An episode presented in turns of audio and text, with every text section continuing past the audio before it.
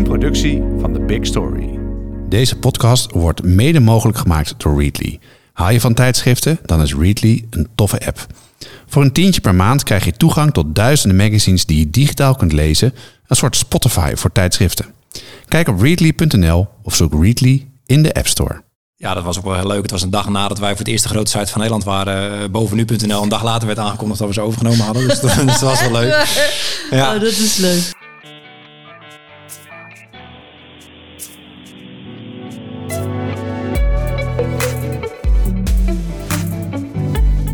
Dit is Komt een blad bij de dokter, de podcast van bladerdokter.nl over media-innovatie. Jaap van Zessen is chef digitaal bij het AD. Hij heeft met zijn plannen van het AD het grootste online medium van Nederland gemaakt. Een digitale transformatie van je welste. De transitie heeft Van Zessen zelf ook meegemaakt op de redactie. Van de stille jongen die in een hoekje van de redactie, tussen aanhalingstekens, iets met social media deed, tot een sparringpartner voor de hoofdredactie. Bovendien is hij kwartiermaker voor de digitale toekomst van de krant. Belangrijke vraag. Hoe heeft Van Zessen de redactie meegekregen? Daar gaan we het over hebben. Jaap, welkom. Hi. Toen jij vijf jaar geleden bij het AD begon, vonden de journalisten van het AD de krant veel belangrijker dan online. Vertel eens even over die situatie. Wat trof je daaraan? Ja, ik kwam van buiten de journalistiek, dus voor mij was de, de redactievloer nieuw. En ik uh, had natuurlijk gesprekken gehad met de, ook met de hoofdredactie van uh, wat ik zou gaan doen. Maar achteraf gezien, ja, ik kwam er op redactievloer terecht te werken waar mensen ja, journalist geworden waren. Veelal omdat ze voor de krant wilden gaan schrijven. En online deden we er een beetje bij. Dus er zaten dan een paar mensen die ja, de, de site bijhielden en die daar de artikelen brachten. En ik kwam daar te zitten en ik, nou, ik weet nog dat ik die eerste gesprekken voerde en ook zei: ik wil hier best wel komen werken, want ik heb er heel veel zin in. Maar wat worden dan mijn KPI's of mijn doelstellingen bijvoorbeeld? En ik weet nog dat uh, Renny Rijpma, die nu in de hoofdredactie zit, ook echt zei van ja, KPI's, dat uh, heb ik hier nog nooit gehoord uh, van iemand die hier werkt. ik vind het wel heel leuk dat je anders denkt, zei ze al. Dus dat, dat was op zich wel een leuk begin ook. Ik zei, ja, je kan mij hartstikke aardig vinden, maar wat, wanneer doe ik dan mijn werk goed? Hè, dus, dus wat is mijn opdracht? En toen weet ik wel dat ze zeiden, ja, het is nog een vergezicht, maar uiteindelijk willen we de grootste site van Nederland worden. We hebben de grootste, of het, de meeste journalisten van Nederland in dienst als AD. Eh, alleen we hebben niet de grootste site. Op dat moment was AD de, de vierde site van Nederland uh, op bereik. En uh, ja, daar moest verbetering in komen. En daar was ze al heel blij mee als, als dat zou gaan gebeuren. Nou ja, inmiddels zijn we vijf jaar verder. En ehm, ja, dat is wel gelukt. ja, dat was wel een heel, achteraf gezien een heel traject en een proces. Uh, is dat veranderd, uh, dat uh, besef? Hè? Vinden journalisten nu online ook net zo of belangrijk of net zo belangrijk? Ja, er is voor een heel groot deel veranderd. Er zullen ongetwijfeld nog de oude krantenjournalisten zijn die het, het belangrijkste vinden dat ze in de krant komen te staan. Dat is ook helemaal prima. Maar als je op de redactievloer loopt, dan zie je ook gewoon dat het veranderd is. Het is niet meer een clubje onliners waar ik dan bij zat in een hoek. Het is het is één grote redactie waarbij inmiddels bijna een kwart uh, videoredacteur is. Nou, dat bestond vijf jaar geleden niet. We deden niks met video bijvoorbeeld. We maken podcast. Uh, het is allemaal samengevoegd. En vroeger zat de hoofdredactie aan de middentafel, zoals wij dat noemden, op de centrale plek. En daar zit nu Team Digitaal. En dat voelt een beetje misplaatst, maar uh, ja, dat betekent dat wij zitten aan een scherm te kijken. Het is ook logistiek een beetje een handige oplossing was dat dat wij er gingen zitten. Maar dat is, betekent wel wat er in vijf jaar veranderd is op de vloer, ja. En ik neem aan dat een van de veranderingen ook um, een, uh, is niet alleen een focus op de productie van het nieuws, maar ook heel erg de focus op de distributie van verhalen. Ja, ja een van de dingen die veranderd is, is dat het. Uh, uh, je, je, had vroeger voor de kranten, de printkant had een in- en een uitkant. Dat waren termen die ik ook niet kende. Maar mm -hmm. de inkant die leverde de verhalen en de uitkant maakte dat op, deed de eindredactie. Dat was ook zo toen ik er uh, binnenkwam. Uh, na een jaar, ik had eerst opdracht gekregen om social media uit te bouwen. En na een jaar ging Renny naar de hoofdredactie en zij zei toen ik ga het anders neerzetten. Ik wil dat we digitaal ook een uitredactie krijgen. Zoals de print dat ook heeft. Vijf jaar geleden moest iedere journalist zijn eigen artikel opmaken. Dus ook de, de, de sterrenverslaggevers, zal ik maar zeggen, die moesten dan even een stuk opmaken. En het voelde gewoon als corvée. Want ja, een artikel opmaken, zij wilden één ding. Als ze klaar waren met een artikel, dat is door met de volgende. Ja. Um, dus ja, en dat opmaken was dan bijzaak en het moest dan even snel. En het werd dan verkeerd overgedragen, waardoor het op de verkeerde plek online kwam. En dan keken heel weinig mensen naar het online artikel. Maar die journalist werd er ook niet op aangesproken, want vooral de krant was belangrijk. En dan chargeer ik even, maar dat was wel zo. Um, dus wat we eigenlijk zijn gaan doen is na dat, dat jaar uh, hebben we gezegd, oké, dit moet anders. We hadden een chef video, Bouke van der Veer, uh, aangenomen. Die uh, video's moest uitrollen. En ik deed die digitale eindredactie. Dat betekent ook artikelen online echt goed wegzetten. Zowel de aankledingen van als de verrijking, maar ook de distributie. En een van de belangrijkste dingen die we hebben gedaan is dat we in groepjes van tien, elke verslaggever heeft een, is een dag uitgeroosterd. Of iedereen die meeschrijft aan de krant. We zijn op een aparte locatie in Rotterdam gaan zitten. En ik deed de ochtend, Bouke deed de middag en we hebben verteld, dit is wat we doen en ook waarom we doen. En dit is jouw bijdrage eraan. Dus waarom doen we eigenlijk online? Wat doe ik eigenlijk voor werk? Want ja, ik was, ze zeiden goedemorgen tegen mij, maar wat ik verder deed, dat wisten ze niet. Ehm, en na die dag, toen, toen zag je gewoon een kentering. Die dag is heel belangrijk geweest. Tenminste, dat waren natuurlijk tien dagen of, of meer eh, uiteindelijk dat we dat gedaan hebben. En elke keer hetzelfde verhaal. de hoofdredactie trapte af. Uh, de mhm. chef video en de chef digitaal deden de rest van de dag. En ze werden erbij betrokken van waarom doen we eigenlijk uh, wat we doen. En wanneer doe je het goed? Nou, vanaf dat moment uh, zijn we rapportages gaan sturen elke week. Uh, iedereen weet nu van oké, als ik cijfers wil of als ik wil weten hoe ik het online doe, dan moet ik bij die club mensen zijn. En ja, dat was heerlijk. Want Ehm, toen ik binnenkwam het eerste half jaar hoorde ik best wel vaak achter mij aan die middentafel de, een journalist boos worden, zeg maar. Dus dan gingen, ze, gingen ze smiddags weg en dan dachten ze, nou, ik kom op de voorpagina morgen. En de volgende ochtend slaan ze de krant open en, en staan ze pagina 17. Hè, terwijl het eigenlijk het beloofd was dat het op de voorpagina moest. En dan kwamen ze briesend redactie op. Ja. Van, ik zou toch, weet je wel, ja, er was iets tussen gekomen. Zo gaat het dan in de avond. En dat was dan best wel fel. En dat is ook wel lekker. Want iedere journalist heeft gewoon de drang om op de voorpagina te staan. En dat is ook gezond. Maar ik zat daar het eerste half uur voor... Uh, of sorry, het eerste half jaar voor, uh, voor online en voor, en voor de socials. En naar mij was nog nooit iemand toegekomen die zei... waarom sta ik niet uh, bovenaan de site? Ja. En nou, sinds dat moment, sinds die training, gebeurde dat wel. Wat ook lekker was. En dat werd het ook moeilijker gemaakt voor mij. Waardoor mensen kijken, ja, waarom wordt mijn stuk dan niet goed weggezet? Waarom sta ik niet op Facebook? Waarom staat mijn artikel zo laag op de site? Ja. ja. en dat is uiteindelijk wat je wil. Hè, dat, dat spel is veel leuker. En dat hebben we gecreëerd en dat heeft de hoofdredactie ook goed gedaan door echt iedereen apart te, echt een dag apart te nemen, uit te leggen waarom doen we wat we doen. Nou, dat is vier jaar geleden inmiddels. Uh, heeft dat het werk van die journalisten dan ook heel erg veranderd? Um, nou, eigenlijk niet. Het is makkelijker gemaakt uh, qua verrijking van artikelen, want ze hoeven dat dus zelf niet meer te doen. En mhm. het is, er is meer focus gekomen op jullie moeten zorgen dat het een goed artikel wordt. En wij zorgen wel dat we dat goed bezorgen bij de mensen. Alleen je moet ons wel tijdig aanhaken. En dat is natuurlijk in, tenminste in de nieuwsmedia altijd vrij lastig. Hè? Dus uh, hoe ver van tevoren weet je het? Nou, het liefst weet je het een half jaar van tevoren. Maar het komt er ook vaak op neer dat je de middag van tevoren wordt ingesigned met er komt een heel mooi verhaal aan. En dat is het lastige spanningsveld. Want als je het echt mooi wil doen, heb je de tijd nodig. Zeker. Dus we tegenwoordig de zaterdagverhalen van de zaterdagkrant en zo, die proberen we op maandag al hè, de, op te halen van wat komt er aan. En dan gaan we alvast aan de, sla, aan de gang. En het definitieve verhaal op vrijdag, nou ja, dat komt dan, uh, komt dan binnen. Uh, maar zo hebben we meer de tijd. Maar ik denk dat het voor de journalist alleen maar leuker en makkelijker is geworden. Uh, en dat ze ook meer geholpen zijn, tenminste dat hoop ik. Ja. Nou, um, wat is er dan gebeurd in die vijf jaar waardoor het AD de grootste is geworden? Wat, wat is daar de belangrijkste, wat zijn de belangrijkste succesfactoren geweest? Ja, het, um, er is een, vanuit de hoofdredactie is er een enorme focus op online gekomen. In, elk, mhm. in elke uiting, zowel extern als intern, ging het over digital first. En dat hoor je wel overal, maar dat was ook echt digital first. Dus in elke nieuwsbrief ging het eerst, die elke week verstuurd wordt, ging het eerst over hoe het online ging, hoe het online een succes was. Nou, en na die ene meeting werd er elke week een mail gestuurd, dit is hoe het online gaat. Het werd heel erg aangejaagd. Uh, dat heeft enorm bijgedragen. Vervolgens hebben wij, zeg maar met de digitale uiting, bij gededen de verrijking, maar we keken ook van welke artikelen zetten we waar weg. Ja.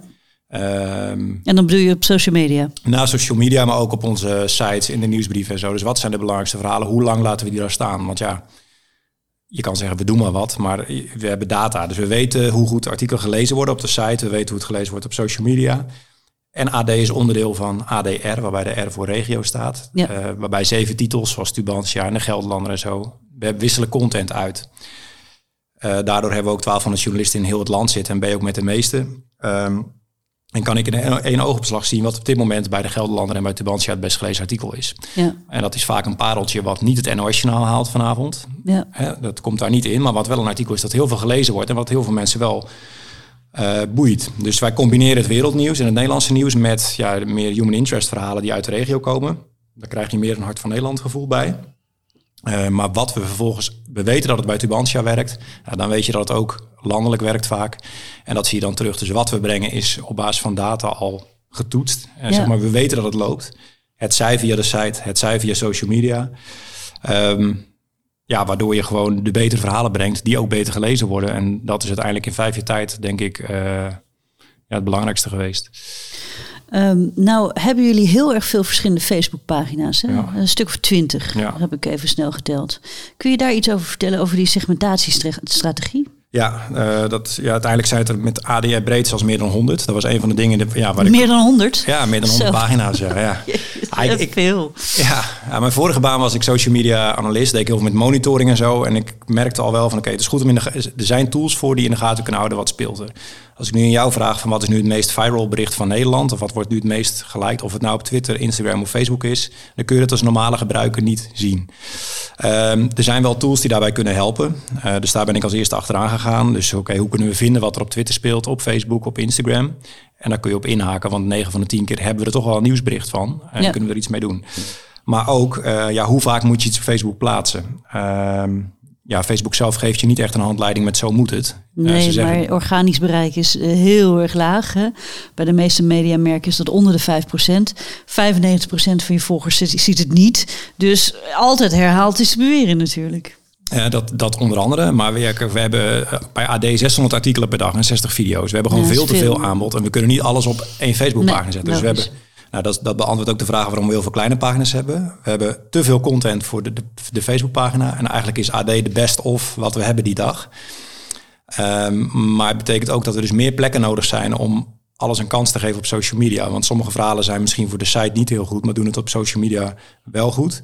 Ja, als je altijd voor die 40 topverhalen gaat van het landelijke nieuws, dan vallen er 560 verhalen af. Ja. Uh, die misschien ook op Facebook het heel goed zouden doen, maar je weet het gewoon niet. Die krijgen dan gewoon geen, geen kans, zeg maar. Nee, dus we hebben dat op regioniveau gedaan. Dus uh, heel Nederland ingedeeld. Dus Rotterdams Dagblad had al een pagina, maar daarvan hebben we gezegd, jullie moeten veel meer gaan plaatsen. We maken veel kleinere pagina's. Haagse Courant had een uh, een Facebookpagina, maar die hebben ook een editie in Delft en in Westland en in Zoetermeer. Ja. Nou, toen heb ik gezegd, jullie moeten voor die vier uh, edities moeten jullie aparte pagina's maken. Want als je Westlander bent, dan vind je misschien het Haagse nieuws ja, veel te breed. Ja. Maar je wil wel nieuws uit Westland hebben en dat zie je ook terug.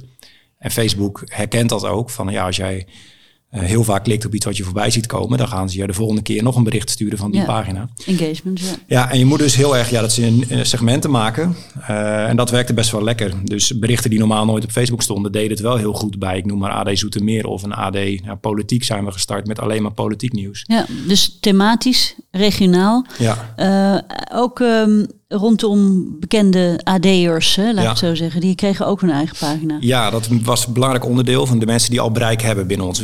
Ja. Ik ging kijken welke kanalen hebben we allemaal. Nou, dan hebben we onze eigen distributiekanalen. Maar ja, onze eigen journalisten en verslaggevers, uh, die hebben ook kanalen. En degene die het meest actief waren, toen ben ik ook lijstjes gaan rondmailen van dit zijn dit is top 100 met de meeste volgers.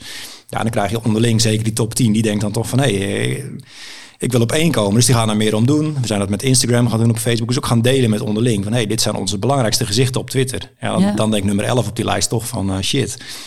Ik wil naar één. En ook gezegd, jongen, jullie zijn belangrijk voor ons. Want jullie hebben al 100.000 volgers. Dus kunnen we jullie niet inzetten daarbij. En soms maakten ze dan een screenshot van uh, een, een, column die eigenlijk uh, betaald achter de inlog stond. En dan gezegd, jongens, dat moeten jullie dus niet meer doen. Nee. het is de bedoeling dat jullie ook bijdragen aan ons. Daarvoor terug krijgen jullie ondersteuning in de vorm van nou ja, mij dan. Van we gaan een blauw vinkje aanvragen. We gaan zorgen dat jullie, hè, uh, als jullie ooit problemen hebben over social media dingen, kom bij mij. Uh, ik heb via DPG contacten bij Facebook, bij Instagram. Dan helpen we jullie dus ondersteunen. En tegen sommigen ook gezegd van ja, als je zelf geen tijd hebt voor Facebook, uh, je doet, we bent heel actief op Twitter. Nou, mogen wij dan alsjeblieft jouw Facebookpagina beheren? Ja, berichten doorplaatsen. Ja. ja, maar dat is een beetje het uit handen nemen. Van natuurlijk snap ik dat je er zelf geen tijd voor hebt, maar mogen wij dan met jouw tweets bij bijvoorbeeld jouw pagina beheren? En dat werkte dan heel goed en dan bouw je gezichten op. Want toen ik binnenkwam, dan gaf ik wel gastcolleges. En dan zei ik van, ja, wie kennen jullie allemaal van het AD? Nou, dan hooguit een paar voetbalverslaggevers en dat was het dan. Ja. En ja, dat heeft ook te maken met hoe ben je zichtbaar online. Hè? Wordt het gestimuleerd dat je op social media actief bent um, als journalist? En dat hebben we ook echt wel gezegd van, uh, nou ja, onder andere met die toplijstjes, maar ook met, met de hulp. En ja, we willen meer gezichten. Ja. Dan moet je ook de sterren, nou sterren, ze noemen zich geen sterren, maar je moet je sterren wel helpen. Hoeveel zijn dat er? We zijn begonnen bij 10. Uiteindelijk zijn we naar 20 gegaan of zo. Je ziet dat sommige komen niet van de, de paar honderd uh, likes af. En sommige zijn naar de tienduizenden gegaan. Ja. Met als bekendste voorbeeld Angela de Jong. Uh, bijvoorbeeld. Maar ook sportverslaggevers als Thijs Zonneveld, Sjoerd Mossou en zo. Ja. Ja, employee advocacy heet dat. Hè? Dat vind ik echt heel interessant. Uh, Ja. Je ziet ook wel dat bij heel veel andere nieuwsmedia zie je ook ehm, ja, dat sommige ster-verslaggevers bijna meer volgers eh, krijgen. Eh overigens in Amerika nu allemaal afscheid nemen om hun Ja. eigen betaalde nieuwsbrief te starten.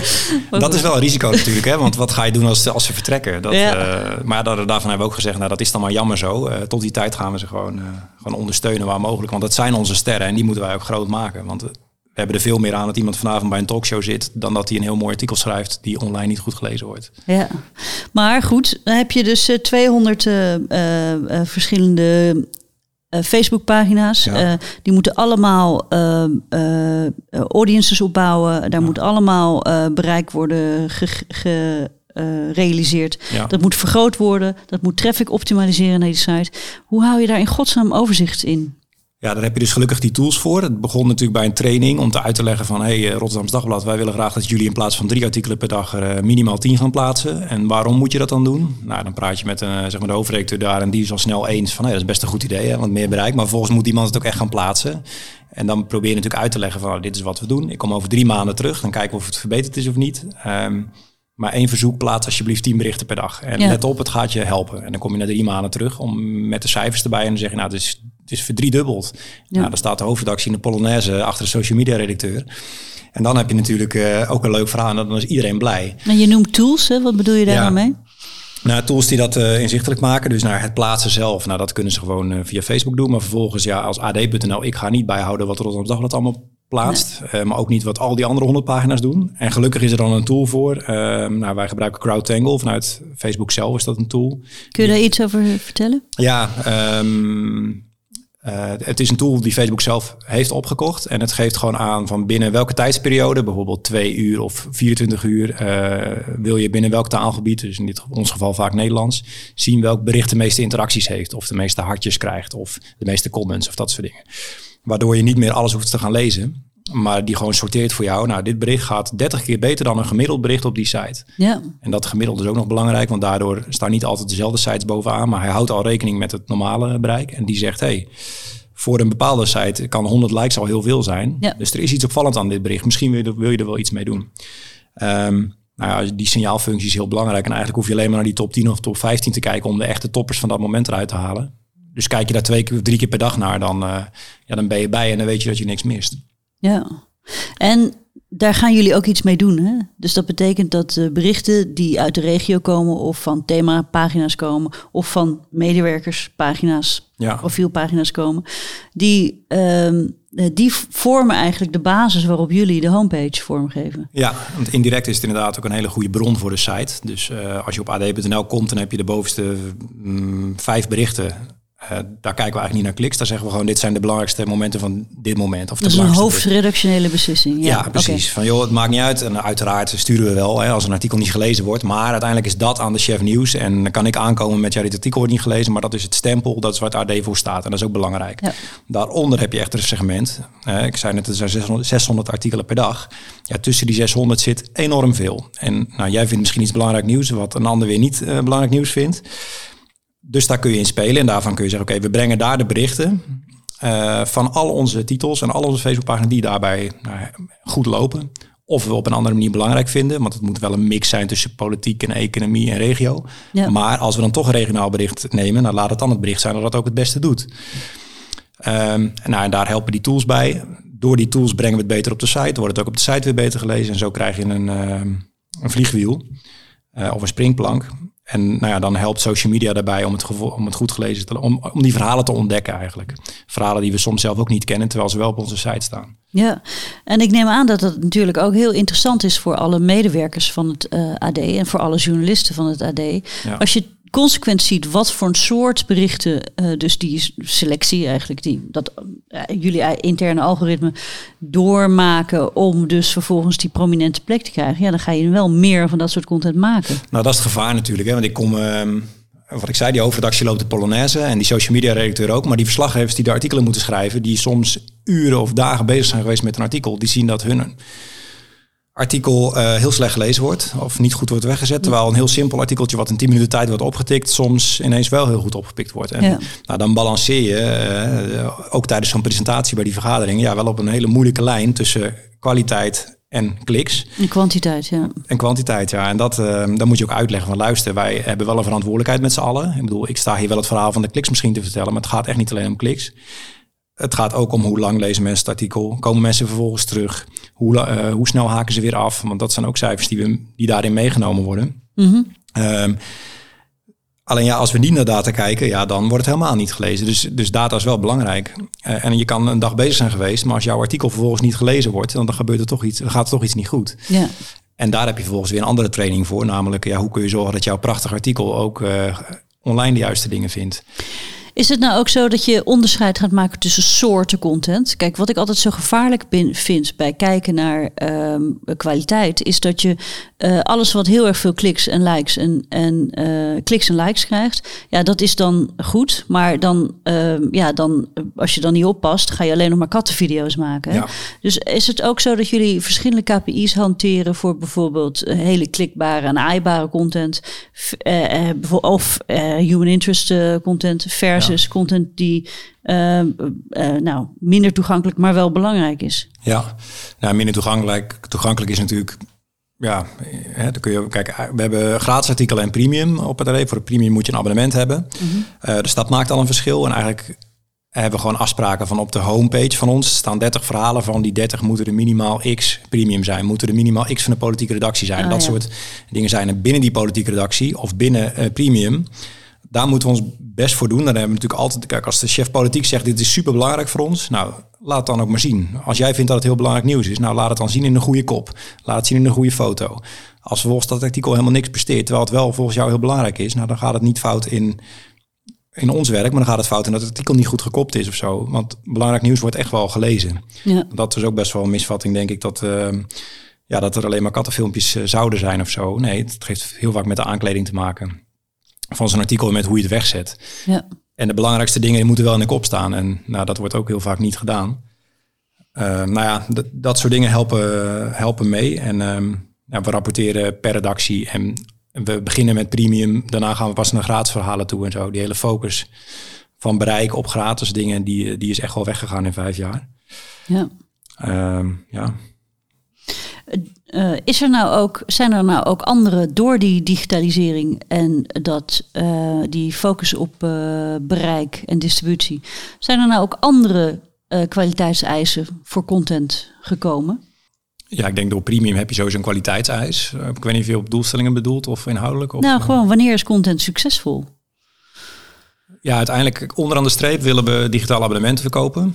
En dat moet een optelsom zijn van alle artikelen. En willen we mensen laten inloggen. Uh, als dat met voldoende groei gepaard gaat, en het gaat het nu, dan is dat over het algemeen succesvol. En dan heb je inhoudelijk, kun je nog zeggen van, um, kun je per redactie kijken van halen we per redactie onze doelstelling of zo. Of is er één redactie die achterblijft met premium verhalen of met video of met bepaalde onderwerpen. Want per redactie kun je ook weer inzoomen en kun je zeggen: oké, okay, uh, de showredactie die schrijft over tv, maar die schrijft ook over cultuur. Ja. De sportredactie schrijft over voetbal, maar ook over darten en wielrennen.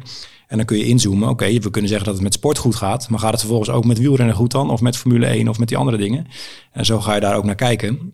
Uh, dus je kan het helemaal ontleden. En dat kan op basis van cijfers. Maar dan kun je ook zeggen, ja, uh, draagt het voldoende bij? Of, of maken we überhaupt wel genoeg verhalen over die onderwerpen? Ja. Heeft dat een beetje je vraag beantwoord. Maar... Ja, hoe, hoe, ga je, hoe ga je nou om met uh, het distribueren van premium content op uh, social media. Dat is natuurlijk, vind ik natuurlijk best ja. wel een lastige ja. discussie, want je, je serveert eigenlijk een dichte doos. Hè? Klopt, ja. Nou, twee of drie jaar geleden begonnen we daarmee. Uh, en een van de eerste dingen is die we, die we merkten. Moet ik even bijzeggen dat je bij het AD kun je drie artikelen per maand gratis lezen en daarna moet je een abonnement nemen. Ja. Dus wij gingen er eigenlijk, we zeiden eerst van nou laten we het maar gewoon net zo doen als dat we bij gratis artikelen uh, uitserveren. En dan kijken we wel wat er gebeurt. En mijn verwachting was nou, dat stort helemaal in. Zeg maar, die premium artikelen gaan helemaal niks doen. Vervolgens zag je dat dat eigenlijk wel meeviel. Elk bericht wat we plaatsten, of nou premium was of niet, kreeg dezelfde aantal interacties, kreeg dezelfde aantal doorkliks. Dat viel hartstikke mee. Alleen mensen gingen klagen over, ik ben nu een van mijn drie gratis artikelen kwijt, bijvoorbeeld. Dus dat zijn we erbij gaan zetten. We letten op, dit is premium. Voordat je doorklikt, het kost je wel iets. Daar, vervolgens gingen mensen ook eh, de hele tekst van het artikel kopiëren en op Facebook bijvoorbeeld delen, zodat je niet meer hoeft door te klikken en dat je het toch gratis kon lezen. Dat soort, dat soort dingen ga je terecht ook vinden. Mensen proberen daaromheen te, te werken, dat, dat is ook prima. Um, Ehm, maar vervolgens zag je dus niet in de cijfers dat het effect had. Gek genoeg. Had ik wel verwacht. Is niet zo. Je hoort nu wel dat Facebook bezig is om dat af te gaan sluiten. Dat, dat ze nou ja, uiteraard kunnen vinden dat iets premium is. Uh, en dat ze dat minder gaan belonen. Maar het is nog niet ingezet. En het is nog niet te zien in het algoritme. Hmm. Maar is wel iets wat ja, hoogstwaarschijnlijk wel een keer gaat gebeuren. Ja. En dat moeten we gaan heroverwegen of we die premium content op die manier blijven delen. Of dat we een korte gratis versie maken waarin we linken naar premium bijvoorbeeld. Ja, of uh, zoals uh, uh, sommigen doen, gewoon wel gratis weggeven, maar dan een dag dan, zeker bij wat mm relatief tijdloze content, ja. dat het na een dag gewoon weer achter de paywall verdwijnt. Ja, dat is ook heel interessant. Dus je pakt eerst het bereik mee, ja. Ehm, om daarna niet te doen. Dus je kan ook ehm, ja, je hebt ook heel veel modellen. Je hebt ook van, van de eerste inderdaad 24 uur gratis en daarna wordt het de paywall, zodat je ook terug blijft komen. Hè, want dat is ook een belangrijke KPI, terugkerend beroep. Dus ja. na de eerste dag kun je alles gratis lezen. Dan krijg je een beetje zo'n zo'n snackbar effect dat je heel veel dat je elke dag terugkomt. Nou, wil je op lange termijn lezen, ja, dan moet je ervoor inloggen. Nou, dat vind ik ook wel interessante manieren. Ja.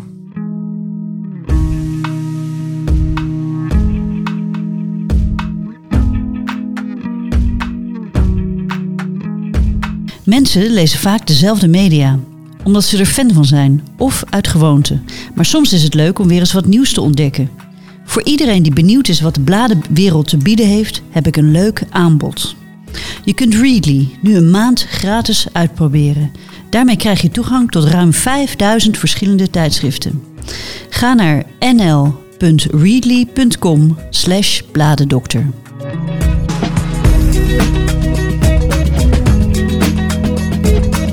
gaat het met het AD? Ja, uh, gelet op alles wat ik binnenkrijg, zeg maar, in de cijfers gaat het goed. Economisch gezien, de cijfers digitaal gezien zijn ook goed. De abonnementen stijgen voor het eerst sinds jaren uh, weer dankzij digitale abonnementen dan. Dus ja. de papieren abonnees, ja, dat stagneert. Dat neemt al, geloof ik, sinds de jaren 90 elk jaar af. Ja. Maar doordat we nu voor het eerst ook digitaal echt iets gaan verkopen, dat is overigens niet alleen voor het AD hoor, dat geldt ook voor de Telegraaf en NRC en zo. Uh, ja, ja, is het abonneeaantal weer stijgende. En dat is heel positief. De adverteerders komen of blijven komen ondanks corona en zo. Dus ja, het lijkt een goed nieuwsshow, maar dus ik, ik ga ervan uit dat het ook zo is. Ja. ja. Maar heb je, uh, ben, jij ook, uh, ben jij ook betrokken bij um, de manier waarop je social media kunt inzetten voor uh, ja, het, het monitoren van verkeersstromen en mm. daarin ook het onderscheid aangeven tussen wie er wel abonnee is en wie er niet abonnee is. En met verkeersstromen van niet-abonnees om daar dan vervolgens nog wat mee te gaan doen. Denk even aan targeting of aan, ja. Ja, ik, praat wel heel veel met marketing. Dus wat dat betreft, ik ben, ben eigenlijk een marketeer op de redactie. Want ik lever geen artikelen, ik maak niks. Alleen ik zet dingen weg. Dus wat dat betreft ben ik een hele rare eend in de, bijt. Um, maar ik ben wel heel veel met marketing bezig. Dus oké, er komt een groot evenement aan. Uh, of er komt een groot iets. Het EK voetbal of de Olympische Spelen komen eraan. Wat gaan we daar als redactie aan doen? En hoe kan marketing daaraan bijdragen? Uh, dat betekent wel dat zij gaan zeggen, ja, het is, nou, over voetbal schrijven we al heel veel, maar bijvoorbeeld over de Olympische Spelen, er zijn sporten waar we nooit over schrijven. Uh, zij kunnen zeggen, als we nu de liefhebbers in beeld willen krijgen, dat betekent dat we daar nu op een, met een vaste frequentie over moeten schrijven. Dan zorgen we dat die verhalen goed weggezet worden op de site, op socials. En op dat moment weten we bijvoorbeeld, als je drie keer in, uh, in de maand een artikel leest over hockey, ik noem maar even wat, dan ben je waarschijnlijk hockeyliefhebber. Ja. En tegen de tijd dat de Olympische Spelen beginnen, dan hebben ze een poeltje gemaakt met hockeyliefhebbers. Ja, dat maakt het targeten natuurlijk veel makkelijker. Ja. Uh, maar dan moet je wel over hockey geschreven hebben. En dan moet marketing het wel weten. Want als, ik weet niet precies hoe het werkt. Maar ze moeten volgens mij nu een knop aanzetten. Anders kunnen ze straks niet meer retargeten. Ja. Um, Pix ja. met pixels. Ja, ja precies. En dat, um, ja, dat, daar zijn we wel heel erg mee bezig. Ook dat het niet, uh, je kan niet bedenken, morgen is het zo en marketing helpt ons maar. Nee, marketing heeft ook tijd nodig. Ja. En je moet ook over dingen schrijven. En ik merk ook wel dat het vanuit nieuwsmedia ook wel, ja, het zijn incidenten vaak. Hè. Het is gebeurd eenmalig. En je hebt pas iets, of vanuit mijn rol, maar ook vanuit marketing is het heel fijn als er consequent over dingen geschreven wordt. Bijvoorbeeld een podcast moet niet eenmalig zijn. Nee, je wil op vaste momenten weten, dit komt er weer aan. Het is niet voor niks dat een krant heel veel rubrieken had vroeger. Uh, dat werkt gewoon, dat werkt online ook. Dan kun je zeggen, wil je volgende week weer deze rubriek? Schrijf je dan in. Nou, Ja. als je nu schrijft over een brand hier in de straat, dan kun je niet zeggen volgende week weer een mail als de brand is. Dat, dat is namelijk niet zo. Nee, nee, nee. Maar dat is ook het verschil tussen planbare en niet, en, en Ja, niet ja, en ik- ik content. heb- ja. Ik vind planbare content, dat, dat werkt heel fijn. En dat, maar goed, dat, eh, Even een brug slaan. Eh, je zei net, eh, je noemde mail al even. Wat is, kun je iets vertellen over jullie eh, e-mailstrategie? Ja, ik moet eerlijk zeggen, in eerste instantie, dan ga je natuurlijk kijken naar het totale bereik van eh, waar komt ons verkeer vandaan. En dan toen, vijf jaar geleden, kwam 15 tot 20 procent via social media en ongeveer 1 procent via e-mail. Eh, Ja. ja, ik ben een man van de data, dus dan zeg ik eigenlijk gelijk van, nou ja, als we van 1 procent 2 procent maken, lijkt het heel goed te zijn. Maar op de grote hoop is dat weinig. Dus laten we ons eerst focussen op social media. Echter, nou ja, als je hele strategie doorvoert, dan kun je natuurlijk zeggen, ja, er zijn verhalen die nooit op de home bovenaan komen, die op Facebook het misschien niet goed doen. En als terugkerend bereik heel belangrijk is, wat het in de loop van de jaren ook geworden is, ja, dan moet je die fanbases op gaan bouwen. Nou, dan, ja, dan kom je al heel snel uit bij eh, nieuwsbrieven, want we willen veel minder afhankelijk zijn van het algoritme van Facebook en zo. Logisch, ja. willen- ja, ze willen dat mensen zelf gaan doen. Alleen dan moet je ze ook wel eh, kunnen aanbieden wat mensen willen. En eh, we hebben een, een hele grote nieuwsbrief, die gaat er om 12 uur uit met het grootste nieuws van de dag. Dagelijks, ja. Ja. Oké. Ehm, en we, maar we, ik zou er het liefst nog veel meer willen. En we hebben er nu inmiddels hebben we er een stuk of 30 en dat gaat wel beter. Alleen het zouden voor mij wel 300 mogen zijn Ja, omdat bijvoorbeeld bij shownieuws, ja, het kan best zijn dat jij een bepaalde column van Angela de Jong wil lezen of over een bepaald museum. Of bij sport eh, wil je wel over wielrennen lezen en niet over voetbal. Ja, als je de algemene sportnieuwsbrief krijgt, dan gaat het in 90% van de gevallen wel over voetbal. ja. En dan al die andere sporten, die laat je daarmee eh, ja, links liggen, ook de liefhebbers. Dus volgens mij moet je dan een wieler, een Formule 1, een dart en nieuwsbrief maken. Nou, dat zijn we gaan doen. Eh, en daarmee bouw je natuurlijk een vast publiek op. Als er een keer een actie is voor marketing en je kan er 5000 dartliefhebbers eh iets sturen. Nou, dan heb je ze gelijk al. eh, ik praat een beetje als marketeer misschien. Maar dan heb je veel meer. ja. ehm, Een special bijvoorbeeld. Ja. ja, daar heb je veel meer aan dan dat je gewoon altijd naar iedereen die sport leuk vindt. Nee, je vindt sport niet leuk. Je vindt binnen sporten vind je bepaalde dingen leuk. En zo Ja. kun je eigenlijk elk onderwerp op plat slaan. Nou, dus wat mij betreft zou het net als bij Facebook ook nieuwsbrieven er meer dan 100 kunnen zijn. Ja. Ja, en eh, helemaal terecht. Want hoe eh, kleiner de doelgroep, hoe hoger de rele- relevantie van Precies, content. ja. En dat zie je ook in de doorkliks en zo. Dus we zijn ook wel met personalisatie bezig. Misschien wil je daar zo nog iets over vragen hoor. Maar ehm, ja, dat er dus een deel eh, gepersonaliseerd gaat worden op basis van je leesgedrag en zo. Ja, en hoe ga je dat dan monitoren? Eh, dat zijn hele slimme mensen voor, die slimmer zijn dan ik op het gebied van IT en dat soort dingen. Die ook weten van oké, dit, ja, hoe dat precies werkt met personaliseren. Dat is bij IT. Ehm, maar die kunnen heel goed monitoren. Oké, dit zijn de verhalen die, eh, die een persoon leest die altijd eh, Amsterdamse verhalen leest en over voetbal. Dan leest iemand anders die die verhalen leest waarschijnlijk ook deze verhalen. Ik noem maar wat. Ja, ja, ja. En ja. net is hoe bol.com hun eh, Producten aan, producten eh, dat, dat kunnen, ja. dat kunnen nieuwsmedia natuurlijk ook gaan doen. En daar hebben we gelukkig best wel slimme mensen voor die daar echt ook. Hey, en nou heb je 30 nieuwsbrieven. Heb je dan ook heel veel verschillende nieuwsbriefredacties? Of is dat veel meer geautomatiseerd, dat systeem? Nou, ik moet eerlijk zeggen dat het vaak gewoon eh, het slepen van artikelen is in een nieuwsbrief. Dus een verzameling. En dat doet vaak, dat hoeven we gelukkig niet bij AD landelijk te doen. Dus elke redactie maakt zijn eigen nieuwsbrief. Eh, Het enige wat ik hoef te doen is te zorgen dat ze hem ook wel echt sturen. En dat er herinneringen komen en zo. En, en nou ja, ook rapporteren van hey, hoe gaat het eigenlijk met die nieuwsbrief? Wordt die wel geopend? Signaleren waar iets misgaat en zo. Eh, En, welke, en, en uitleggen welke keuzes goed werken en welke niet. En met welke, waar moet je nou op koppen, waar moet je niet op koppen, dat soort dingen. Ja, ja ik vind het wel heel interessant hè, om te zien dat ehm, er echt een soort ehm, eh, trend is in het feit dat dat medialandschap steeds meer gefragmenteerd wordt. Hè. Er zijn steeds meer kanalen die het moeten doen met steeds kleinere doelgroepen. Ja. Eh, maar je kunt dat natuurlijk binnen je merkstrategie ook heel erg goed eh, inzetten, juist.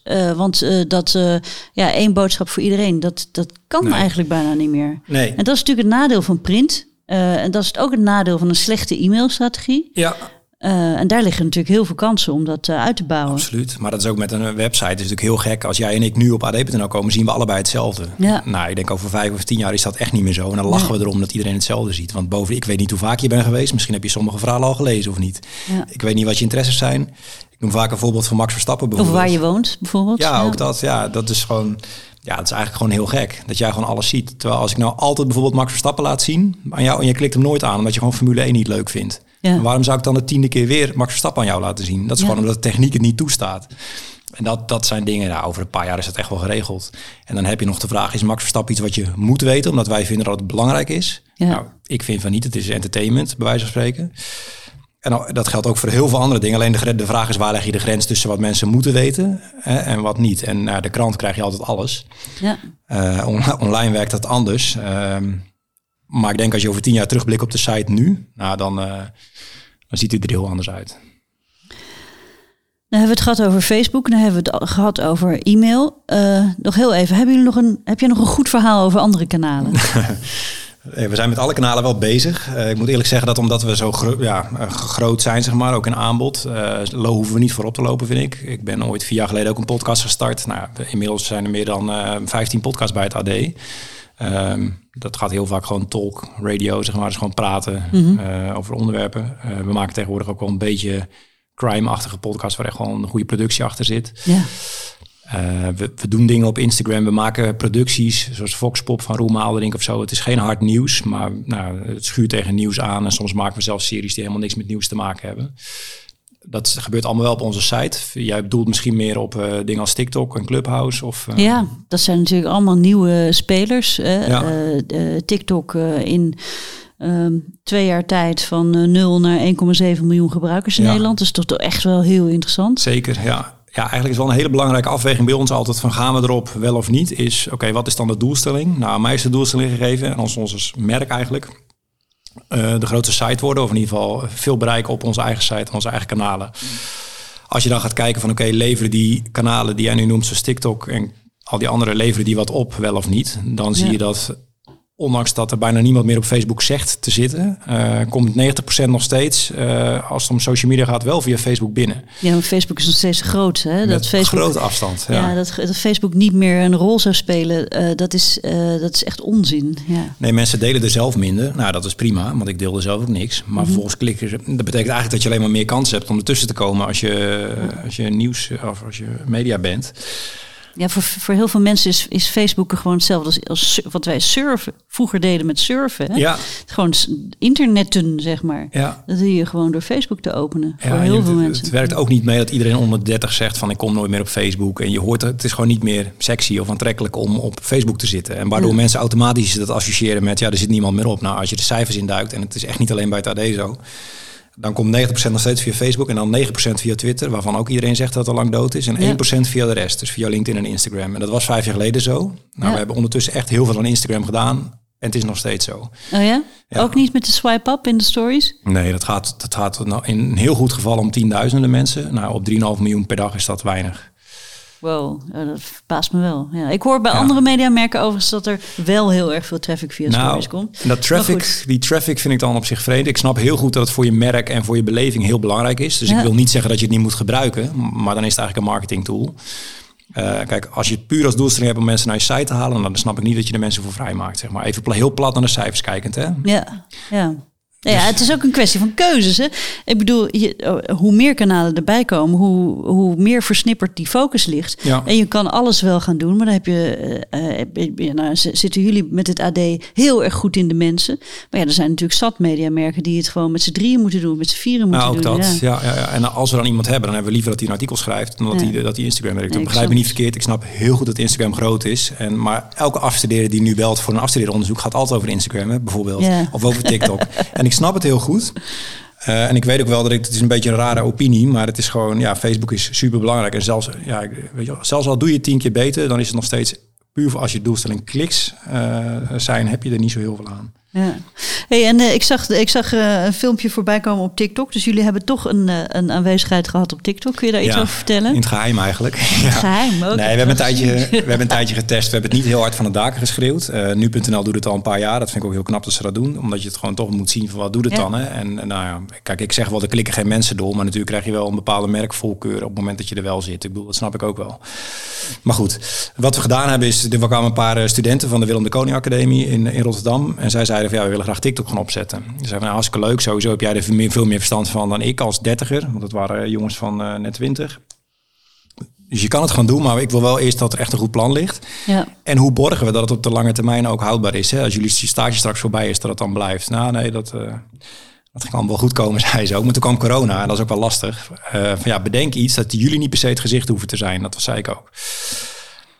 Uh, dus nou, dat zijn ze gaan doen. Ze hebben hartstikke leuke dingen gemaakt. Maar ja, ze zaten vervolgens, waren zij wel vaak de hoofdpersoon in dat TikTokje, zeg maar. En ik vond het Mhm. echt wel heel leuk. En er keken meerdere mensen mee en eigenlijk droeg iedereen het wel. Maar ja, toen liep die stage af. En toen zei ja, wat gaat het nu doen? Dan komt er een prijskaartje aan te hangen dat je zegt, ja, dat is bijna, eh, ja, dat kunnen we dan niet aan andere dingen uitgeven. Ja. Uh, plus dat zij weer door moesten twee maanden later. En ja, dan kom je weer op dat, uh, ja, datzelfde uit. Dan moet je het interne gaan onderbrengen bij iemand. En je hebt echt een gezicht nodig die volgens mij dan niet op lange termijn doet. Ja, zoals wat ik heel erg een heel tof voorbeeld vind van mediamerken op, uh, op TikTok is uh, Vox met een V. Mhm. En die hebben Clio Abrams, dat is dan een, een jonge vrouw in de twintig, die gewoon dingen uitlegt en echt Ja. het gezicht is. En de kwaliteit van video is heel goed. Ze doet ook geen dansjes, ze zingt ook geen liedjes. Hè. Dat is, het is echt, gaat echt om het geven van uh, achtergrond bij het nieuws. Ja. Ja, ik vind dat een heel goed uh, Ja. voorbeeld. En wat uh. vond je van onze filmpjes? Of? Nou ja, ik heb uh, drie filmpjes gezien waarvan er in één filmpje een dansje werd gedaan. Toen dacht ik, oh, nood, ha- handrem, heel hard aan. Ja. En meteen zeggen, no, nee, nee, Mhm. niet, nul. Klaar. AD danst niet, punt. Ja. Ja. Dat zou ik dan roepen als ik uh, uh, bij jou op de stoel zou zitten. Maar dat is dan ja. persoonlijke mening. Ja, het gaat ook om, over je positionering. En je kan niet iemand anders zijn Nee. die eh, op, op, op een ander kanaal, hè, zoals bijvoorbeeld een van de grootste eh, eh, verwonderingen die ik de laatste tijd heb gehad, is de VVD op, op Instagram. Ja. En met alleen maar shitposting. Hè? Alleen Ja. maar hele flauwe grappen en stomme memes. En, en, en ja, dat doen ze natuurlijk om een heel groot bereik en engagement onder jongeren te krijgen. Als er dan echt een belangrijke eh, boodschap is. Bijvoorbeeld stem op de VVD Ja. bij verkiezingen. Ja, dan heb je, de, heb je die, de voorrang in dat algoritme ge- geclaimd, zeg maar. Dus Mhm. ik snap het ook wel.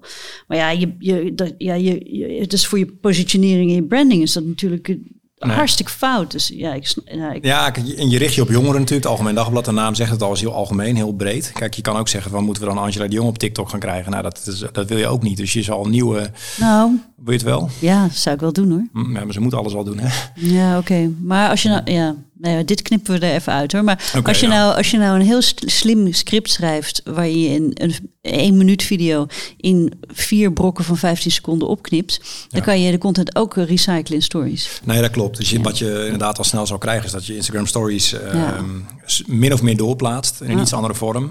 Eh, maar dan moet er iemand natuurlijk heel slim kunnen editen die dat, die dat kan. Ja, Eh, en je hebt goede samenwerking nodig. Want je hebt ook voorbereiding nodig. Het komt in de krant. Je wil het overal weg gaan zetten. En dan moet Ja. TikTok ook bij gaan horen. Daar ben ik ook echt wel voorstander van. Ja. We hebben, ik zei, de 20% van onze redactie is al videoredacteur.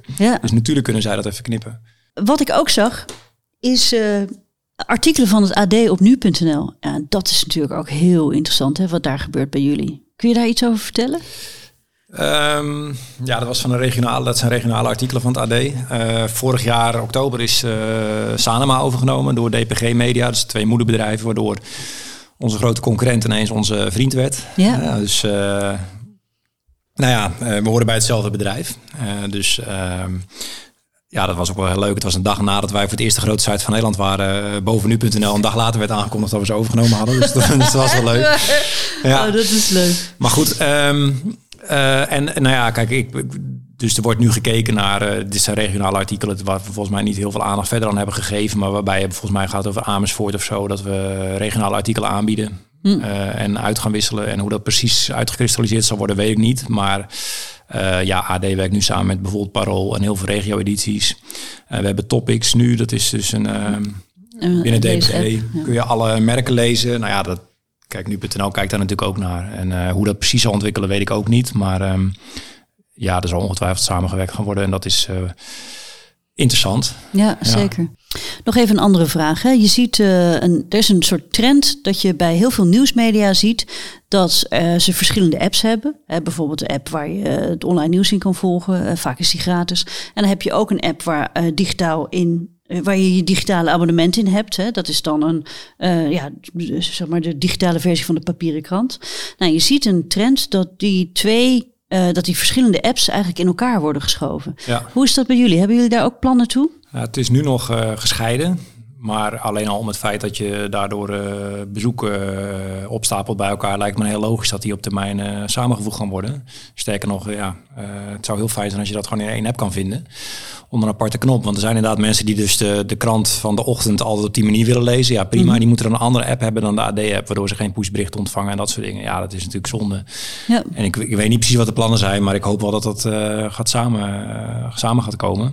En je hebt bijvoorbeeld bij de Volkskrant heb je de editie op de iPad en zo. Ja, dat is gewoon een krant eh, op een andere manier weergegeven. Ja. Ja, dat is prachtig om te zien ook. ja, zeker. Ja, en ehm, dus ja, dat verweeft. En ik, ik zou wel altijd die vari ik, wil, ik zou altijd de mogelijkheid willen aanbieden dat ze in ieder geval de krant nog kunnen lezen. Ik bedoel, het feit dat we zeggen, ja, De papieren krant bedoel je? papieren, Ja. dat vinden mensen gewoon lekker. Als ik op vakantie ben op de camping, wil ik soms ook gewoon de krant kunnen lezen. En dan wil ik niet de site of de app hebben. Dat is, en dat is volgens mij ook prima. ja. Maar het een of het ander niet uit te sluiten, denk ik. Nee, maar eh, er zijn natuurlijk steeds meer digitale lezers, steeds minder papieren lezers. Eh, hoe is die verhouding bij het AD? Weet je dat uit je hoofd? Ja, dat is, dat, eh, print is nog zeer dominant. Ehm, in het aantallen en ook in de inkomsten en dat soort dingen. Dus ehm, eh, nee, kijk, dat gaat om. nee, dat is nog een groot verschil in ieder geval. Maar je ziet natuurlijk wel inmiddels. Het is niet break-even, maar het groeit een beetje naar elkaar toe, langzaam maar zeker. Maar print is nog steeds heel belangrijk. En dat is ook nog wel goed om te zeggen. Ehm, ja, dat daar de meeste inkomsten vandaan komt. En online, wat dat betreft, eh freewheelen wij er maar wat omheen. Hè? Ja, Ja. maar eh, even in de glazen bol kijken. En daar wou ik ook mee eh, afsluiten. ja, is er over twintig jaar nog een papieren krant? dat denk ik wel. Dan moet je alleen ook inzicht hebben in kosten, in distributiekosten, dat soort dingen. En adverteerders waar ze in willen zitten, dat weet ik niet. We weten nu dat de gemiddelde lezer is volgens mij 60 op dit moment van de papieren krant. Online is dat heel anders. Nou, Ja. Over tien jaar eh, zijn die mensen 70 de gemiddelde. En dan is nog steeds een leeftijd dat je prima de krant leest. Als je 80 bent, ook nog wel. En over 20 jaar zal het misschien wel weer een heel ander model zijn. Dus het is heel moeilijk om te beantwoorden. En ik kan me niet... En stel dat het zou halveren, hè, het aantal abonnees. eh, zou de krant dan niet meer uit kunnen komen? Ja, dat weet ik niet. Dat moet je weer aan andere mensen vragen die dat... eh, en misschien is de krant wel eh, helemaal... Is er wel een revival en zo. Alleen het probleem is nu vaak... Dat, dat je ook volgens mij de distributie ervan. Dus in gebieden waar ja, bezorging... eh, het kost gewoon heel veel geld. Ja, Maar ja, misschien alleen in het weekend. Ja. nou, dat zie je tegenwoordig natuurlijk ook wel heel vaak. Dat mensen alleen op zaterdag een krant willen. Ja. Ja. Oké, Jaap. ehm, nou, heel erg bedankt voor eh, dit gesprek. Dankjewel dat ik hier mocht zijn. Dit was Komt een blad bij de dokter, de podcast van bladerdokter.nl. Elke maand hebben we nieuwe gesprekken met bladermakers en hoofdredacteuren over de ontwikkelingen in het vak. Op bladerdokter.nl kun je alle gesprekken terugvinden, of beter, abonneer je via Apple Podcast of Spotify. Bladerdokter publiceert elke maand een nieuwsbrief met interessante artikelen over magazines, vol nieuws, achtergronden en analyses. Je kunt je inschrijven via bladerdokter.nl.